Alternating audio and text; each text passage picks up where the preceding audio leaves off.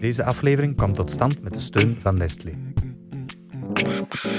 Vaderklap de podcast. Papa, jij bent lief. Recht in je oor. Rust hier in mijn hart. Elke aflevering komt er een papa op de koffie bij Vaderklap. Papa. Vandaag klappen we met Jan Moers. Dimitri de Sender. en Wim Schotsmans van Vaderklap. Vandaag is het weer Vaderklap in de studio's van Q-Music. Een laatste keer voorlopig dat we hier kunnen opnemen. Dat we heel blij zijn dat we deze prachtige locatie mogen gebruiken. Dankzij Nestlé. Vanuit Vaderklap vonden we het eigenlijk wel eens een goed idee om te babbelen over vader zijn. Het is een verrassende insteek voor een organisatie als Vaderklap, waar wij werken rond het vader zijn. We hebben gezorgd voor een eh, gevarieerd aanbod aan vaders. Ikzelf ben vader van vier kinderen, gescheiden.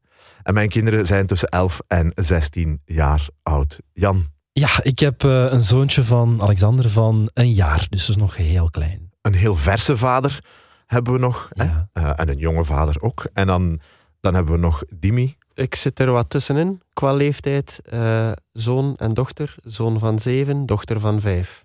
Fantastisch. Het aanbod situeert zich niet alleen in verschillende leeftijden van vaders en kinderen. Ehm, ikzelf ben beginnend zelfstandige sinds tweetal jaren en probeer dat te combineren met het gezinsleven. Dimi, jij combineert ook. Ja, ik ben ook zelfstandige. Ik eh, run samen met twee venoten een strategisch ontwerpbureau Manoeuvre. Jan, Ik werk dus voor Nestlé, ik ben daar bedrijfsjurist en ik werk als public affairs manager. bedrijfsjurist en public affairs manager. Dat is een stevige combinatie, denk ik ook wel. Dat kan tellen in termen van eh, workload, eh, dat is zeker zo, ja. Ja. En dan koppel ik ineens de vraag daaraan, hoe doe jij dat? Werk en gezin combineren, want jij wordt verondersteld, denk ik, in normale tijden, we gaan het C-woord zoveel mogelijk vermijden, maar goed, het is er wel. Om toch veel op kantoor te zijn, vermoed ik. Ja, niet alleen dat. Hè. In die rol van public affairs ja, is het ook de veronderstelling en de bedoeling dat ik ook wel buiten Nestlé ga. Dus dat ik ook veel vergaderingen heb buiten Nestlé.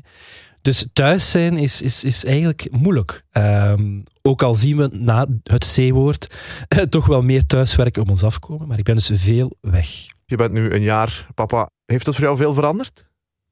Wel, het C-woord opnieuw. Hè. Het is volledig, eh, mijn vaderschap situeert zich volledig in de coronaperiode.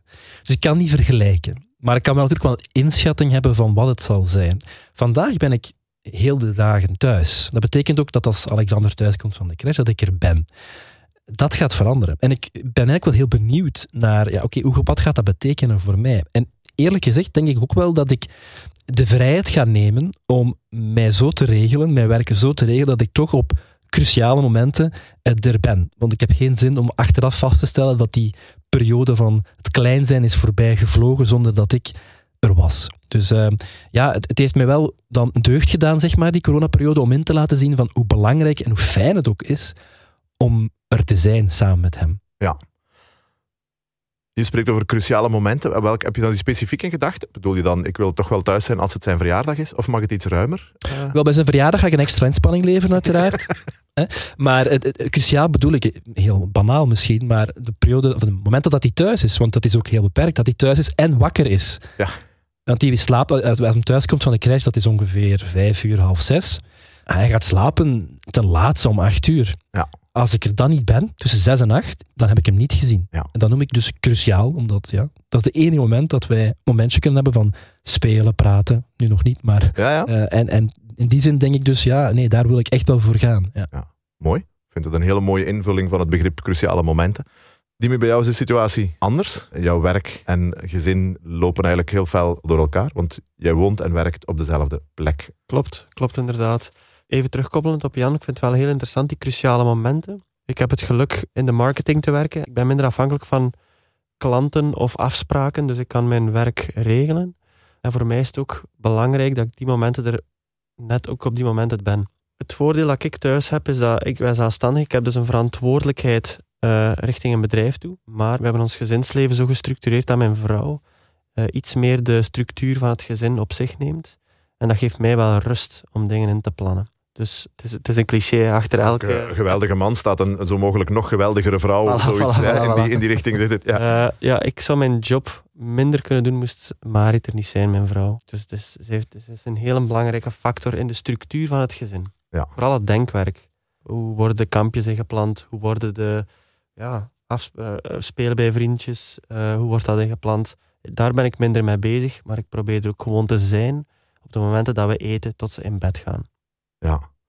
Ik hoor nu al een paar feministische enthousiastelingen briesen en bruisen van oeh, het is weer de vrouw die het allemaal moet regelen, opdat de man... Maar ik vermoed dat uw vrouw daar zeer oké mee is. Ik heb er zelf geen oordeel over of zo. eh, wie dat er de voortrekkersrol speelt. Ik denk dat je individueel naar elke gezinssituatie moet kijken. Eh, als je in een structuur zit waarbij dat de vrouw meer de zelfstandige taken op zich neemt, is het logisch dat je als man dan iets meer eh, bezig gaat houden met het gezin. Dat Ja. moet gewoon in balans zijn. Ik denk dat je echt een gezin moet bekijken als een team, zodat iedereen op zijn sterkte kan zitten. En zo probeer je een juiste balans te vinden ja, in het leven om het gezin vooruit te gaan helpen. En of dat dan nu man of vrouw is, ja, bij ons is het, is eerder een toevalligheid dan Ja. daadwerkelijk bewuste structuur van ik ben man en ik zal het wel gaan doen. Ehm, Ja, we zijn toch al stilletjes aan uit de jaren 50 aan het kruipen. Jan, bij jou is de situatie een beetje anders. Ja, in die zin dat mijn vrouw zelfstandige is. Ehm, die is notaris en die, die heeft dus ook heel veel afspraken s'avonds. Zij probeert uiteraard in alle mate van het mogelijke eh, ervoor te zorgen dat zij thuis is, maar natuurlijk, dat lukt niet altijd. En dan valt de zorg een beetje op mij. Dat is inderdaad organisch gegroeid. Eh, en, we hebben geen enkele eh, zal ik zeggen, vooringenomenheid naar man of vrouw toe wie die rol moet opnemen. Een ander element is in het team zijn, is ook ja, uw eigen persoonlijkheid en uw eigen karakter speelt daar natuurlijk ook een heel grote rol in. Ik ben geen regelaar. Dus of ik nu, moest ik nu stay-at-home dad zijn en ik heel veel tijd zou hebben, mijn gezin zou in elkaar storten. Net zoals je zegt, in een team, niet alleen eh, in, tijd, in termen van professionele activiteiten, maar ook in termen van karakter, je gaat iedereen op zijn sterktes zitten. Eh, en je probeert daar het minst mogelijke slechte scenario voor alle betrokken partijen uit te halen. Ja, ik hoor inderdaad heel veel zin voor realisme en het is voor iedereen puzzelen. Ik zit in een heel andere situatie. Ehm, ik ben nu zeven jaar gescheiden. ehm, tevreden gescheiden, hè, voor zover we dat zo kunnen noemen. Ehm, maar ik plan mijn werk dan op de weken dat de kinderen er niet zijn. Probeer ik veel meer te werken. Eh, en ik maak er echt een punt van om de dagen dat ze er zijn, ofwel een heel rustige ochtend met hen te kunnen hebben, ofwel de avonden rustig te kunnen doen. En als het enigszins kan, alle twee. We zitten nu met, nog maar met drie mensen bij elkaar en we hebben al drie heel verschillende eh, situaties op organisatorisch vlak, op praktisch vlak. De situatie in elk gezin is anders en wie werkt wanneer, wie zorgt voor wat. En ik denk niet, dat is mijn heel bescheiden mening, dat daar een goed of fout in, eh, in is. Zolang beide partners akkoord zijn met de organisatie en de praktische aanpak. Zolang ook iedereen bereid is om een prijs te betalen, want die prijs is er. Voor Ja. iedereen. Eh, en ik denk dat je de prijs gaat moeten afwegen ten opzichte van de winst die je maakt. Eh, en dat is niet altijd evident, want eh, het is niet altijd roze geur en natuurlijk een kind. Maar in, au fond, in de basis, ik denk dat, ik kan het voor mezelf zeggen, het is zo'n ervaring. Ja, het zou ook vreselijk zijn om, om die te moeten missen. En, Ja. en daar, daar staat wel een prijs en daar kan wel een prijs tegenover staan. Wat me trouwens ook opvalt, is hoe dat het geëvolueerd is. Als ik kijk naar de situatie van mezelf als kind en mijn ouders dan, Ja, en nu merk ik toch dat, lijkt het in ieder geval zo, want natuurlijk dat is helemaal niet bewust meegemaakt toen, maar dat wij als nieuwe generatie eh, veel bewuster daarmee omgaan met die tijd. Eh, en, en ook veel meer om onze strepen staan naar eh, werkindeling toe. Ik weet dat mijn ouders, die hadden al twee een heel drukke job. Wij als kind werden natuurlijk ook wel centraal geplaatst, maar toch op een andere manier dan dat vandaag het geval is. Er werd ook vaak gekeken naar oplossingen extern, oppas. En, en, ik denk dat tegenwoordig eh, misschien de neiging is om, om die oppas zoveel als mogelijk buiten te houden. Waar het nodig is, kan het. Maar om die rol van vader en moeder echt zelf ook op te nemen. En, en dat is toch wel opmerkelijk en, en legt ook wel wat druk op, op ons, denk ik. Eh, heel de situatie is veranderd. Hè? Op eigenlijk relatief korte tijd zijn we geëvolueerd van een, een heel klassieke organisatie van hè, één van beide ouders. En laat ons eerlijk zijn, in 99% van de gevallen was dat de mama die thuis bleef, hè, vaak, of maar deeltijds werkte. Naar een situatie waar gelukkig ook de vrouw de rol wil van ook werknemer of zelfstandige en, en hè, een, een leven buiten het gezin. Waardoor wij als koppels nu op, op, op 20 jaar tijd eigenlijk heel ons eh, klassiek systeem een beetje overboord aan het gooien zijn. Bewust, denk ik. Maar dat vraagt wel tijd en, en eerlijkheid en gesprek eh, binnen het koppel ook, om, om dat georganiseerd te krijgen. Hè. Ik vermoed ook dat er redelijk wat vrouwen zijn die als ze beslissen om toch thuis te blijven en te zeggen ik word huismoeder en ik kies daar bewust voor, die daar ook wel commentaar op krijgen. Als, als je als man zou zeggen, ik stop met werken en ik zorg ervoor dat mijn gezin draait en dat, dat mijn vrouw kan gaan voltijds werken en, en kan uh, shinen like a diamond, om het zo te zeggen, dan zouden wij applaus krijgen. Maar doe dat nu als vrouw, denk ik dat het wel veel gevoeliger ligt, uh, dat dat veel moeilijker ligt. En het zijn toch punten waar, waar ik denk dat we daar wel aandacht voor moeten hebben.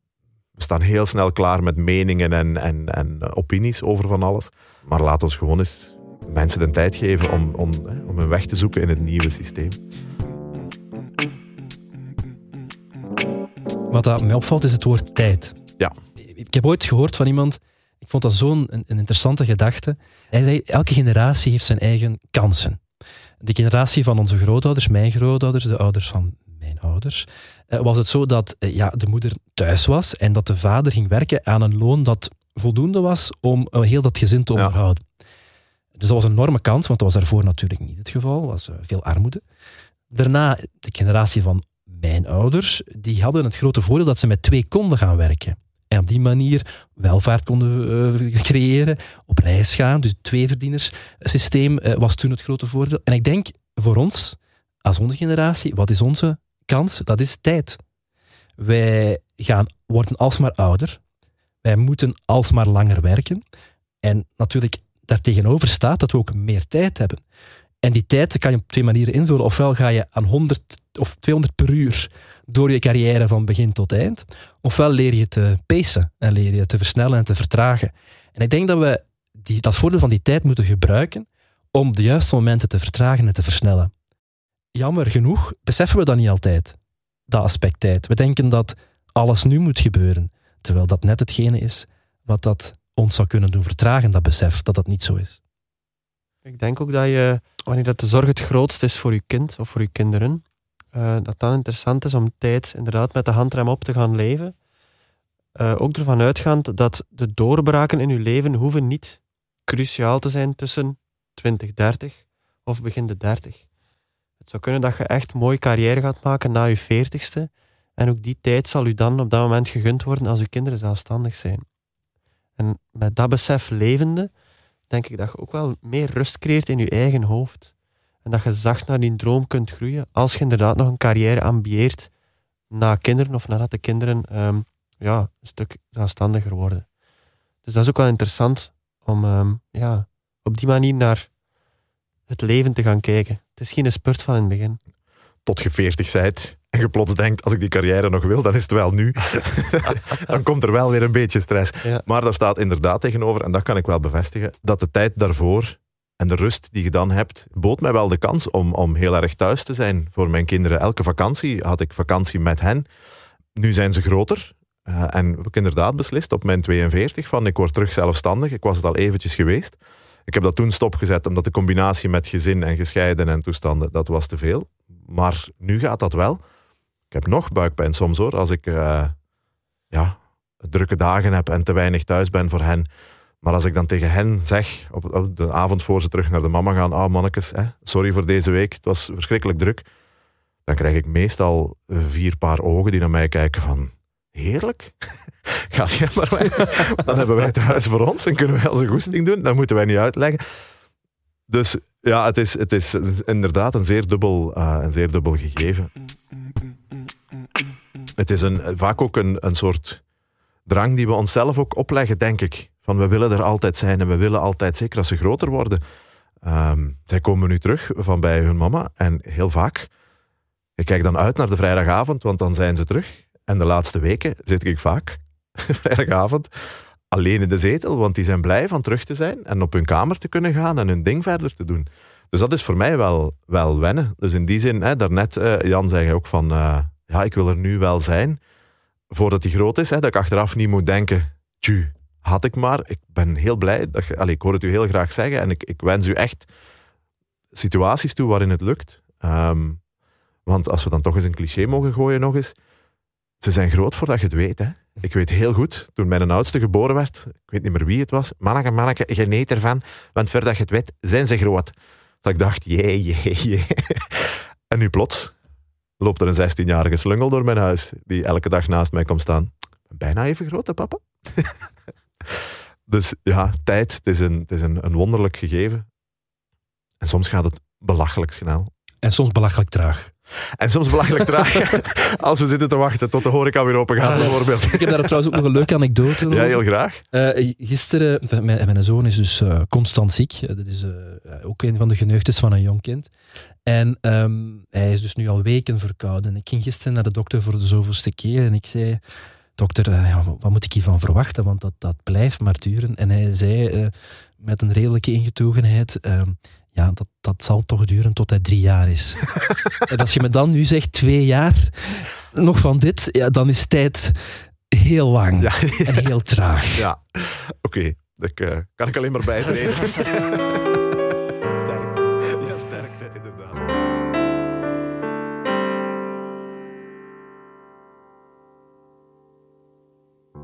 Ik zou willen overgaan naar een volgend punt.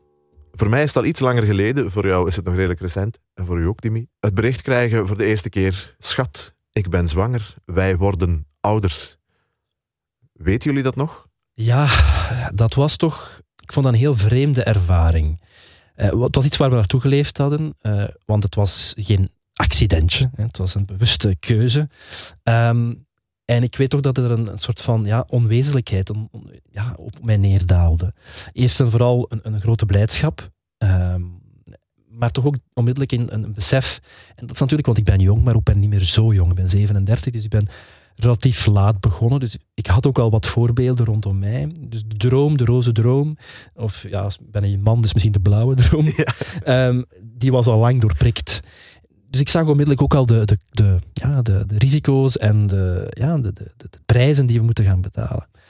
Dus het was een mix van een beetje van allemaal. Ehm, wat mij ook opviel was dat ik me onmiddellijk afvroeg, is dit normaal, hoe ik me nu voel? Ik denk dat dat ook weer een cruciale vraag is die Ja. in ieder geval mij toch heel vaak stel, ik mezelf heel stel, vaak stel, is van ja, is- is het normaal dat ik me zus of zo voel? En ik heb me moeten vaststellen dat ja, er is geen handleiding daarvoor. Dus ik zou willen zeggen, voor mij is alles goed geworden. Ja. Ehm, als ik daarom moet terugdenken, blijdschap overheerste wel. Toch Ja, wel. ja. ja. Maar geen naïeve. eh, Het was al met een beetje zin voor realiteit. Ja, Ja, jammer en tegelijkertijd ook wel mooi. hè? ja absoluut, absoluut. Ja. Dimi, bij u is het al eh, iets langer geleden. Ja, en, eh, ik was tien jaar jonger dan, eh, dan Jan. Ja. Ongeveer, hè, ongeveer.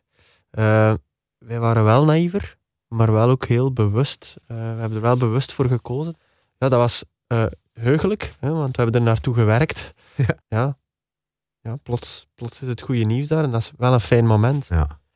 En dan tot de geboorte is dat besef daar eigenlijk wel niet. Je ziet die buik wel naast je groeien, maar toch is pas de geboorte aan zich het moment waarbij dat je denkt, oh, oh god. Het is voor echt. Ja, het is hij is hier. Hè, dat is gewoon dan, en dat is wel zot. Heel Ja. zot, heel zot. Bijna irreëel zelfs. Ja. En, dan, ja, en dan sluipt die gewoonte er ook vrij snel in. Zo na, na, na drie dagen zitten niet meer alleen met z'n tweeën. Nee, nee. Dat. En Ja. zit dat bewijzen in je onderbewustzijn er al helemaal in. Ja. Voor mij is het, de geboorte is, is, is voor mij, ja, ik, voel dan, ik heb het nogal gezegd, het, het, het is, je voelt je een clown. Het is echt een, een heel raar gegeven. Je weet niet wat dat je moet doen en je staat daar. Dus ik heb dat heel bizar meegemaakt, maar tegelijkertijd ook heel zakelijk. Ja. En ik heb ook nooit het gevoel gehad vanaf het begin van een band te hebben met dat kind. Eh, Ja. Ik vond dat heel opvallend, want het idee leeft toch, of leefde bij mij, dat je, oké, dat kind is er dan, dat is geboren, je hebt dat in je armen en oké, dan met je papa. En, en, en hij is hij. Maar dat is een onbeschreven blad. Mhm. Zowel hij zelf is onbeschreven, maar ook de ruimte tussen nu en hem is onbeschreven. ja. En ik merk elke dag nog opnieuw, hè, we zijn nu een jaar verder, dat dat altijd een evolutie is. En het grappige is dat ik zelfs heel vaak het gevoel heb dat ik hem niet herken. Ja. Als ik hem ga halen, als ik naar de crash ga, en dan moet ik echt twee keer kijken, ah ja, daar is hem. Ja. Ik vind dat een heel raar gegeven. De, de, de, de fait accompli van, eh, nu ben je vader en die relatie is er, dat is dus totaal niet zo. Hè? Voor Nee. mij toch niet. Ik heb daar echt het gevoel bij dat ik dat moet eh, ja, onderhouden, eh, een vorm geven. En vandaar dat ik ook vind, en dat ik ook bewust die beslissing neem, van tijd te nemen Ja. daarvoor. Dat had ik misschien graag geweten op voorhand. ehm, van, ja, je bent niet vader plotseling. Dat is een proces. Ja. En, en, en dat is oké. Je moet je niet daarin forceren. De Ja. tijd opnieuw eh, zal dat wel in u zetten. Bij mij was het een, hele, eh, een beetje een bijzondere periode, die eerste zwangerschap, want mijn moeder was op dat moment terminaal. Dus dat was zo'n een heel dubbele periode. Ik heb ook van die eerste maanden heel weinig eh, bewust meegemaakt. Ik weet dat mijn vrouw, allee, mijn, toen was het nog mijn vriendin op dat moment, ehm, mij verteld heeft van ik ben zwanger en dat ik uiteraard heel blij was, want het was ook een keuze. De timing was alleen misschien, hij was er sneller dan we voorzien hadden. Ehm, en dat was een hele gekke periode. En eigenlijk ben ik pas meegestapt in, de, in het verhaal van de zwangerschap, na, drie maanden later, na het overlijden van mijn moeder. En dat was wel heel gek. Ehm, ik ben heel blij dat ik nog aan mijn moeder heb kunnen vertellen. Ik redelijk zeker ben dat ze het ook nog beseft heeft van... Ik word papa, hè, mijn eerste is onderweg. Heb ik daar spijt van? Nee, het, het was zo. Het, het, liep zo. Ik had mijn, mijn, mijn, al mijn energie en mijn, mijn kracht was nodig om, om, eh, samen met mijn zussen mijn, mijn moeder te begeleiden tot de laatste dagen. En, eh, maar daarna, ja, switcht je focus dan en zet je dan wel tegelijkertijd heel blij dat er een, een positief project zit aan te komen, om het zo te zeggen. En ik weet nog heel goed, de eerste keer dat ik de voetjes voelde bewegen in de buik, dat is een moment dat ik me nog, ik weet exact waar ik was en hoe en wat en waar. Ehm, en dat is een moment, ik hoop nooit dement te worden, maar ik denk dat dat een van de laatste dingen zal zijn die, die zal uh, verdwijnen. Zo. Dat heeft zo'n indruk gemaakt op mij. Want ja, zwanger, ja, ja, er komt een kind. Oh ja, dat is goed, we zullen wel zien. En plots wordt dat al een, eerste keer tastbaar. Zo, hè? En uh, vond ik wel een heel, uh, een heel indrukwekkend moment. En dan inderdaad, dan begint het. Hè? Ineens geeft die verpleegster zoiets in uw handen. En ik weet nog dat ik dacht, oei, ik moet dat hier vasthouden. Ik mag dat hier niet laten vallen. Dat, ik vond het een heel overweldigend moment. Mijn eerste akelige moment, en ik ben eigenlijk heel benieuwd of jullie dat ook zo ervaren hebben. Ik vond naar huis rijden met een pasgeboren kind vanuit het ziekenhuis, vond ik verschrikkelijk. Had mijn toenmalige vrouw mij niet tegengehouden. Ik had bij de Rijkswacht gebeld voor begeleiding, denk ik. Want plots ligt er zoiets minuscuul van achter in de auto. En zijn er heel veel auto's op de weg. Die allemaal potentieel uh, gevaar vormen. Hebben jullie zo ervaringen redelijk kort na de geboorte waarvan je zegt, dat vergeet ik nooit? Ik herinner mij, de wagen stond ook beneden, beneden in de ondergrondse parking. Ja. En we gingen ook al zijn, zijn longen sparen. dus ik ging de auto komen voorrijden in de buitenlucht. Zo echt grappig. Ja. Nu staat er niet meer bij stil. Maar toen was dat ook amai, zuiver en oh, naar huis. En, ja, ja. Een hele... Ja, dat is waar. Gekke. Oef, we zijn thuis. Ja, yes. We hebben het gehaald. We leven nog. Even kijken, hij ademt nog. Ja. Maar dat is typisch aan, uh, aan het eerste kind. Ja. Bij het tweede kind vind ik dat dat allemaal wegvalt. De, de, de relaxheid van ja, de geboorte is al een enorm verschil. Je voelt je niet meer de clown, want je hebt het allemaal al samen meegemaakt. En ja, het gaat lukken, hè? Ja. Want je zit er al eens doorgegaan. Ja. Uh, en die band is ook anders. Ik uh, herinner mij uh, vooral intens uit bij de geboorte van mijn dochter, dat, het, um, dat ik daar minder een band mee had. Omdat er ja, al een driejarige kote rondliep, waarmee dat ik al kon overleggen, spelen, babbelen. En mijn aandacht ging vooral naar ja, het eerste kind. En um, terwijl mijn vrouw dan zich vooral ontfermde over de dochter. En die band die is bij mij heel langzaam gegroeid. Ay, nu is dat fantastisch, hè, die beide. Maar dat heeft, dat heeft een tijd geduurd. En dat was bij mij wel een verschil. Um, ja, tussen beide kinderen. Ja. Zo'n warme oproep, hè. Eentje is geentje, hè. Uh, ik, ik, ik, ga terug naar het verhaal van gisteren. Twee jaar lang nog ziek zijn. Ja. En als je mij nu vraagt een tweede, dan zeg ik nee. nee. Het is een drieling, meneer. Ja. Dan, uh, dan, dan mogen ze mij naar de psychiatrie ja, Dan belt Gons, dan komen we nog eens praten. Dan, dat gaat nodig zijn, elke week. Ja. Heb jij zo'n momenten vlak na de geboorte? Ja, ik heb, het, het naar huis rijden was voor mij geen probleem. Ik denk dat daar heb ik niet bij stilgestaan. Uh, maar voor mij was het het meest akelige moment, het moment dat, uh, dat Alexander geboren werd. En uh, mijn vrouw, ja, er was een klein probleempje. Dus achteraf gezien. Hè. Maar je ziet plotseling het heel verzorgend personeel rond mijn vrouw bezig. Ja. En ik had onmiddellijk het, het idee, de angst van, oh nee, stel je voor. Stel je voor dat, dat, dat mijn vrouw hier nu sterft. En dat ik hier alleen ben. En ik had dat kindje vast, ik had Alexander vast. En ik vond dat een heel akelig moment. En tegelijkertijd wil je je sterk houden, je wil niet paniekerig zijn. En, dus dat is misschien wel mijn eerste angstige moment ja. geweest. Uh, ja, uh, maar naar, het naar huis rijden, dat was, uh, dat was geen... Maar je, je, had, je had je eerste stress al gehad, hè? Ik had het al gehad. ja, ja. Dat is wel iets dat ik heel erg herinner en waar ik maar niet van afgeraak. je bent ongelooflijk kwetsbaar. Hè? De dag dat er iets met mijn kinderen gebeurt, dat gaat, dat gaat een, een ander level zijn van geraakt worden. Ik voel daar wel een heel grote angst, is misschien een te groot woord, maar eh, toch een grote kwetsbaarheid wel op dat, eh, op dat vlak. Dat klopt zeker ook als je naar eh, langspeelfilms kijkt met die topics. Ja, Weer dat er een kind ontvoerd wordt. Ja. Ehm, de pre-papa fase. Ja, interessante film. Wel wat spanning. ja. Maar als je plots jezelf kunt verplaatsen in die vaderrol Ja. en het kind dat ontvoerd wordt, dat is een heel andere dimensie van die film, van diezelfde film. Dus dat klopt inderdaad wel. Het is eh, on- onwezenlijk bijna, want ik, ik was eh, ehm, vroeg, ik herinner me nog een aantal jaar geleden dat Syrische jongetje dat aangespoeld werd of was aan, aan, op strand. Ik herinner me nog, ja, natuurlijk laat u dat niet koud. Hè. Ik ga zeker niet zo ver, maar het was nu ook niet dat mijn dag daardoor eh, ja, eh, om zeep was. Nee, nee. En ik herinner me nog dat mijn kameraad die wel een kindje had, of twee kindjes had, die, die was er echt kapot van. Ja. En ik, ik had zoiets van, allee jong, dat, is, dat, is toch, allee, dat is toch ver van je bed. Maar nu onlangs zag ik eh, een, een reportage op televisie van een, een, een, een vrouw die haar kindje op 15 maanden verloren, plotseling verloren had. En de tranen stonden in mijn ogen. Ja. En dat is heel raar hoe dat, dat dan plotseling zo diep en zo, ja, zo overweldigend kan binnenkomen. Dat is heel raar.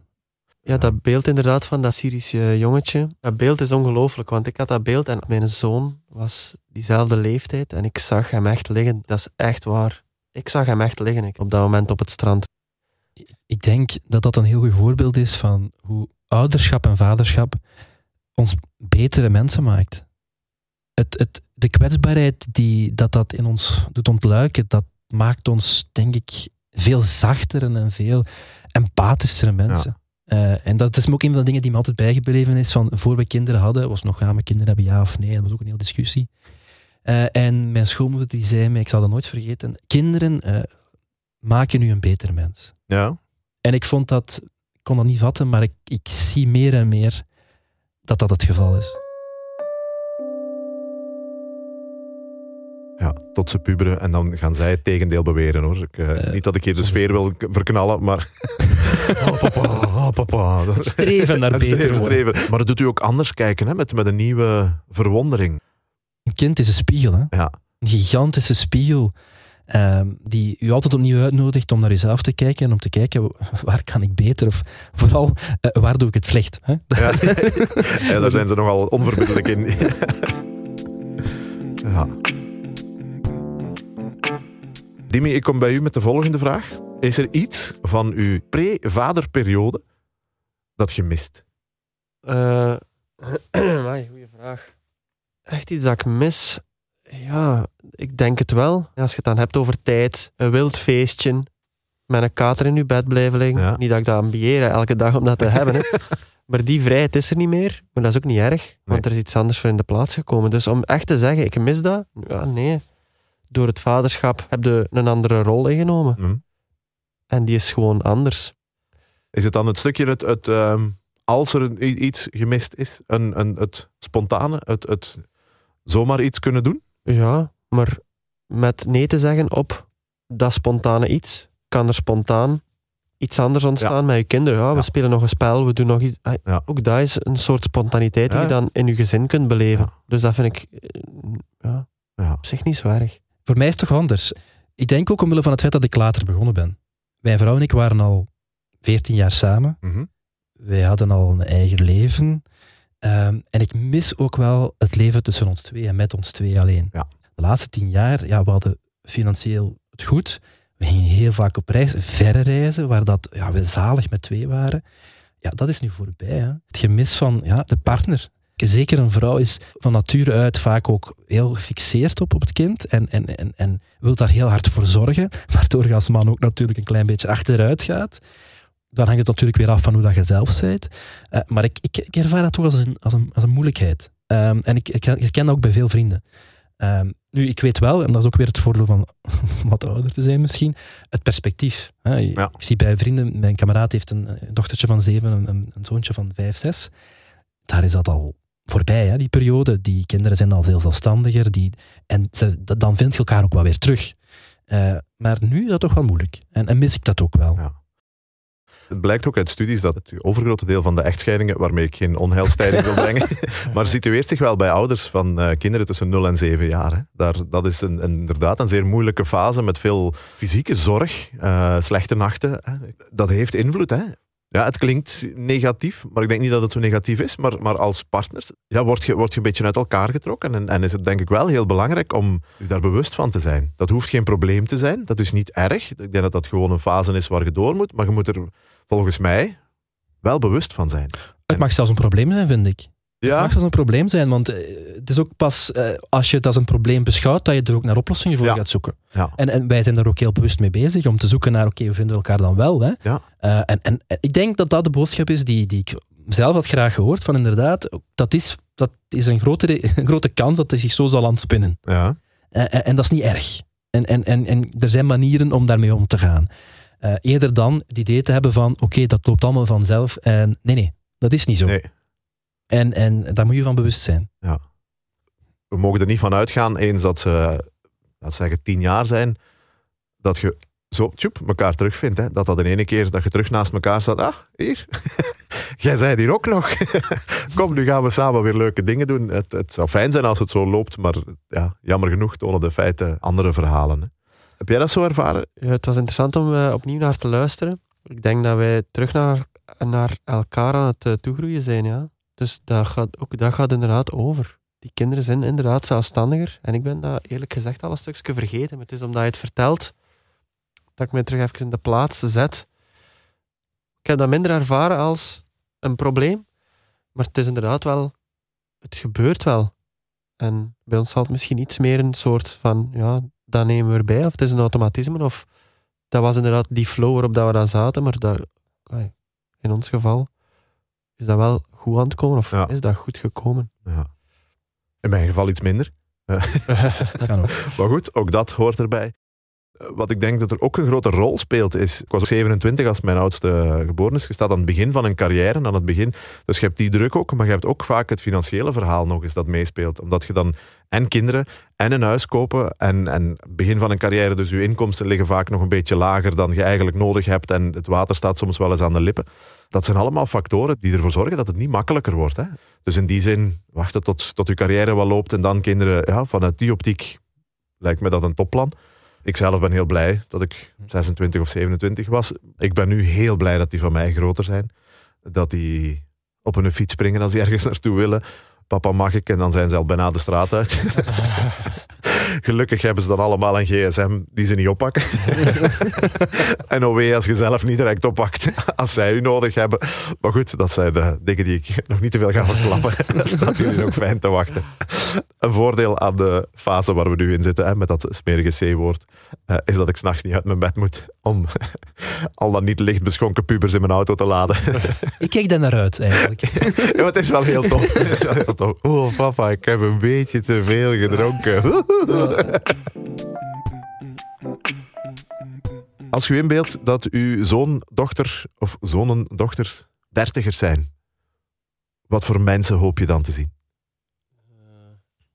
Ik hoop dat ze op dat moment gevonden hebben wat dat ze, wat dat, waar dat hun passie ligt. Ja. Dat ze daarin geluk hebben gevonden. En ik ga dat vrij algemeen houden, want dat is denk ik wat ik graag zou zien in mijn kinderen. Gelukkige kinderen. Ja. Um, als ze op dat moment nog zoekende zijn, denk ik dat je als ouder automatisch mee aan het zoeken bent. En ik denk dat dat, dat, dat wel een zwaarte is dat ze op u of aan u kan kleven. Zo. Mhm. En het gevoel hebben dat ze op de goede weg zijn, het goede pad aan het bewandelen zijn, dat zou mij wel heel veel rust geven. En daar denk ik dat ik heel genietend naar zou kunnen kijken. Dat denk ik. Ja, voor mij, ik heb eigenlijk heel opvallend geen enkele verwachting Ja. eh, naar, naar hem toe. Van oké, dit of dat. eh, eh, ja, pas op, ik heb wel een kleine zotte droom. Ik zou willen dat hij DJ wordt. Oh ja, ja. Geen idee waarom, maar dat is iets zo wat in mijn hoofd zit, maar oké. Nee, maar in essentie denk ik dat het iemand zou, zou ik hopen dat Alexander iemand wordt met het vermogen om om te gaan met de moeilijkheden in het leven. Ja. En het, het gelukkig zijn is ook natuurlijk iets wat we allemaal ons kinderen toewensen en ik zeker ook. Maar ik wens hem zeker ook de mogelijkheid toe om om te gaan met ongelukkigheid. Eh, en, en ik zou willen, in mijn, de periode die ik met hem mag zijn, hem leren, meeleren en samen zelf ook leren, want dat is we allemaal moeten blijven leren, om te gaan met die moeilijkheid. De moeilijkheid van het leven. Eh, en ik zou ook willen dat hij als dertiger ook nog weet dat hij bij mij terecht kan. Niet voor antwoorden, want die heb ik niet. Nee. Maar terecht kan met, met, met zoiets. Eh, met een moeilijkheid. Met, ja. Met, ja, dat vermogen om om te gaan met moeilijkheid. Denk ik dat dat voor mij, als dat, dat zou kunnen doorgeven, zou mijn opvoeding geslaagd zijn. En jij, Wim? ik had gehoopt deze vraag gewoon alleen uit te sturen en niet terug te krijgen. Ik, als, als, um, als ik iets hoop, dan hoop ik dat het empathische mensen gaan zijn. Um, ja, wat ze doen en, en ja, goh ja, gehoopt dat ze goede dingen gaan doen, maar wat zijn dan de goede dingen? Die zijn voor mij misschien helemaal anders als voor hen. Maar wel dat het warme, empathische mensen zijn. Daar, daar hoop ik wel heel hard op. En daar probeer ik ook aan te werken in mijn opvoeding, door dat zelf ook wel te proberen zijn en, en te proberen uitstralen en daar ook in gesprek over te gaan. Maar ja, als ik merk later, zijn mensen met oog voor een ander, die begrip hebben voor uh, situaties van anderen, ja, dan kan ik er wel, denk ik, tevreden uh, ze loslaten. Ja.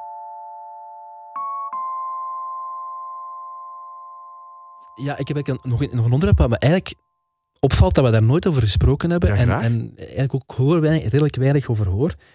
We spreken heel vaak over ouderschap en vaderschap vanuit onze kant bekeken ja? en, en hoe wij daar zelf tegenaan kijken. Maar ons verhaal, onze geschiedenis begint eigenlijk al met onze ouders. Ja?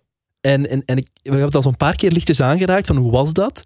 Maar ik ben wel heel benieuwd hoe dat, hoe dat voor jullie was. En, en hoe dat het verschil, waar het verschil precies ligt in de opvoeding die je zelf hebt gekregen. Ja? Of als er een verschil is. Of ja, ja. Niet, hè, en de opvoeding die je zelf wilt geven. Of misschien zelfs de opvoeding die je zelf geeft. Ja. Da, daar ben ik wel benieuwd naar eigenlijk ook. Bij mij ligt die vrij gelijkaardig, denk ik, aan de manier waarop dat ik het doe. Ja, heel ja, warme ouders. Uh, een nest van zelfstandigen ook. Dus mijn kinderen zijn ook een beetje daardoor een stukje gedwongen om ja, zelf al pyjama's aan te doen. Dat stimuleren kan wel zo op die manier. Denk ik dat ik er ook zo wat mee omga. Uiteraard een beetje aangepast aan hun tijdsgeest. Uh, mijn, of onze ouders hadden niet de complexiteit van bijvoorbeeld schermtijd, die soort zaken. Maar verder denk ik dat dat wel in Ja. lijn ligt zo. Ja? Ja, bij mij is er een groter, eh, een groter verschil. Uh, ik denk dat ik in mijn vaderschap heel erg aansluit bij wie mijn moeder was. En hoe mijn moeder moeder was. Mijn vader heeft heel zijn professionele carrière heel hard gewerkt. Van morgens tot s morgens, bij wijze van spreken. Waardoor wij gelukkig financieel weinig tot geen zorgen gehad hebben. Maar hij was zeer afwezig op alle andere vlakken. En die afwezigheid zorgt ervoor dat ik nu zelf heel erg aanwezig wil zijn. Ik heb mij echt voorgenomen, al voor ik papa werd, van als ik ooit kinderen heb, doe ik het anders. En ik kies heel bewust voor het woord anders en niet beter, want ik wil niet oordelen. Hij heeft ook op zijn manier alles gedaan. Maar ik wil het op een andere manier doen. Door wel aanwezig te zijn en wel te weten in welk leerjaar mijn kinderen zitten en wie vriendjes zijn en wie niet. En, en ik weet het niet altijd. En het is soms moeilijk nu in combinatie met startend zelfstandigen. En, maar toch wil ik er wel zijn. En mijn moeder was zeer aanwezig. En ook haar overlijden dan, hè, intussen al 17 jaar geleden, heeft er ook voor gezorgd dat de, de lijm van het gezin was weg. En ik wil heel bewust kiezen om zelf die lijm te zijn. Of ik erin luk, dat zal ik dan binnen 20 jaar van een therapeut wel horen. Als ik uitgenodigd word op gesprek. Um, maar dat is wel heel erg mijn, uh, mijn doel ja, in mijn gezinsleven. Ja. En nu gaan we uiteraard de bal ook naar jou spelen, Jan. Uh, ja, um, ik, ik, had al gezegd, mijn, mijn beide ouders waren ook hardwerkende mensen. Ja. Um, en die hebben ook al het mogelijke gedaan uh, in de context waar dat ze in zaten en zitten, uh, om, om ons een goede opvoeding te geven. Um, maar was ook een grote afwezigheid dat ja. ik ervaren. en dus uiteraard wilde ik die af, Ik denk dat ook een van de drijfveren is bij mij om voor te zeggen, oké, okay, nu ben ik wel heel aanwezig. Ja. maar tegelijkertijd merk ik toch ook dat er een aantal dingen zijn in mij, en in, in automatisme zelfs, hè, en, en ik hoor soms mijn moeder spreken. Ja. Of ik hoor soms mijn vader spreken. Ja. Ook op manieren dat ik eigenlijk liever niet zou willen spreken. Ik wou je net onderbreken, akelig hè? Ja, soms is het toch wel even... Ja. Bizar. En uh, ja, ik probeer dan ook opnieuw uh, heel bewust daarvan te zijn. En, en, en als ik vind van, oké, okay, dit vind ik niet, dit vond ik als kind niet leuk. Om dan, ja, uh, ja, ook onmiddellijk proberen recht te trekken. Ook, met, ook al is hij maar een jaar, hè, met, excuseren, Ja, ja. te compenseren, maar niet op een manier dat het eh, vanuit een schuldgevoel komt, maar echt een constructieve manier. Ik ben eigenlijk wel heel bewust, probeer heel bewust bezig te zijn met dat, ja, met, met, met dat gegeven. En ook, ik zou ook willen, niet willen dat, eh, ik wil mijn, mijn zoon ook niet het gevoel geven ehm, dat hij er moet zijn om eh, bepaalde dingen voor mij op te lossen Ja. of zo. Eh, of, of dat hij zelf er alleen voor staat. Niet dat ik dat echt gevoeld heb als kind, maar eh, ja, dat zijn zo dingen die, die toch wel eh, binnenkomen. ja. Ja. Het grappige vind ik dat eh, we gaan het, ik probeer het anders te doen. En, Ja, ja. En, en, en, en, en, maar ik hoor bij jou ook dat jij het probeert aan, en je wil aanwezig zijn. Ja, ja. Maar door dat te doen, zullen we wellicht wel andere fouten maken. En je kan ook te aanwezig zijn. hè? Ja, ja. Eh, en, en, of je kan te op een andere manier. Dus Ja. Dat is ook iets wat dan, denk ik, ook heel bespreekbaar moet worden. En ik weet wat de vorige keer, want als je eh, aan de luisteraar Ja. ja. luistert, zeker ook naar de vorige podcast. Ehm, ik weet wat we de vorige keer daar ook over gehad hebben. Van inderdaad te accepteren dat de fouten die wij maken, dat die, dat, dat die er zijn. En dat je die ook durft benoemen. ja. Dat was het verschil misschien ook met onze generatie en, en de generatie van mijn ouders. M- mijn ouders waren geacht of voelden, denk ik, heel sterk. Wij moeten het hier weten. Ja. Wij moeten hier weten welke richting we uitgaan. En, en dat we mogen geen twijfel laten tonen aan onze kinderen. Maar als kind weet je dat heel goed wanneer er ja. twijfel is. Ja. Dus ik denk dat dat het, eh, misschien het verschil kan maken voor onze generatie. Het bespreekbaar maken van onze feilbaarheid en onze kwetsbaarheid als ouder. Ik vind dat een hele mooie om dit gesprek stilaan neer te leggen. Echt waar, Jan, dank u wel. Ik ga er nog één vraag tegenaan gooien. De vraag die ik heel vaak stel op het einde. De ultieme tip. De ultieme tip van drie vaders aan luisterende vaders, moeders. Amai, ik weet het niet. kan ook een tip zijn. hè. We weten het niet en dat is kei oké. Doe het niet. Te laat. Niet. Nee, nee. Ja, de ultieme vadertip, eh, er is er geen, hè. laat dat duidelijk zijn. Eh, ik denk dat iedereen ehm, daar zijn eigen weg in gaat vinden.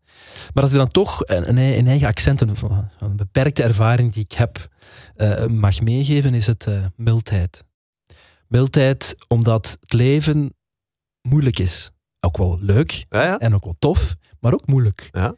En, en, en in die moeilijkheid komen we soms botsen soms op dingen die onoverkomelijk lijken, die, die ons pijn doen, ehm, druk die daarbij komt kijken. En ik denk dat in die situaties mildheid een enorm belangrijk gegeven is. Ja. Kijken naar jezelf en zeggen van oké, ik doe mijn best en dat is oké. Ik ben niet perfect en dat is oké. Ja. En de ander is ook niet perfect en dat is ook oké. Ehm, en opnieuw terug naar de tijd grijpen. De tijd als salving, als salvende factor. Ja. Ehm, ja, dat, dat zou mijn tip zijn. Wees mild en neem de tijd. Dankjewel. Mijn tip is, denk ik, het is oké. Het sluit wel wat aan, denk ik, bij dat mild zijn, hè, waar Jan ook eh, over sprak. Het is oké. Ja. We doen het.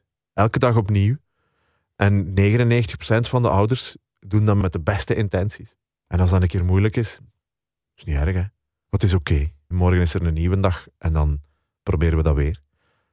En wat ik soms al wel eens tegen mezelf zeg, als ik s'avonds ga slapen en denk, oh, de ju, dat was een, een dag of ik was te kort of te... Dan denk ik al wel eens, ach, hun therapeut moet later ook zijn geld verdienen.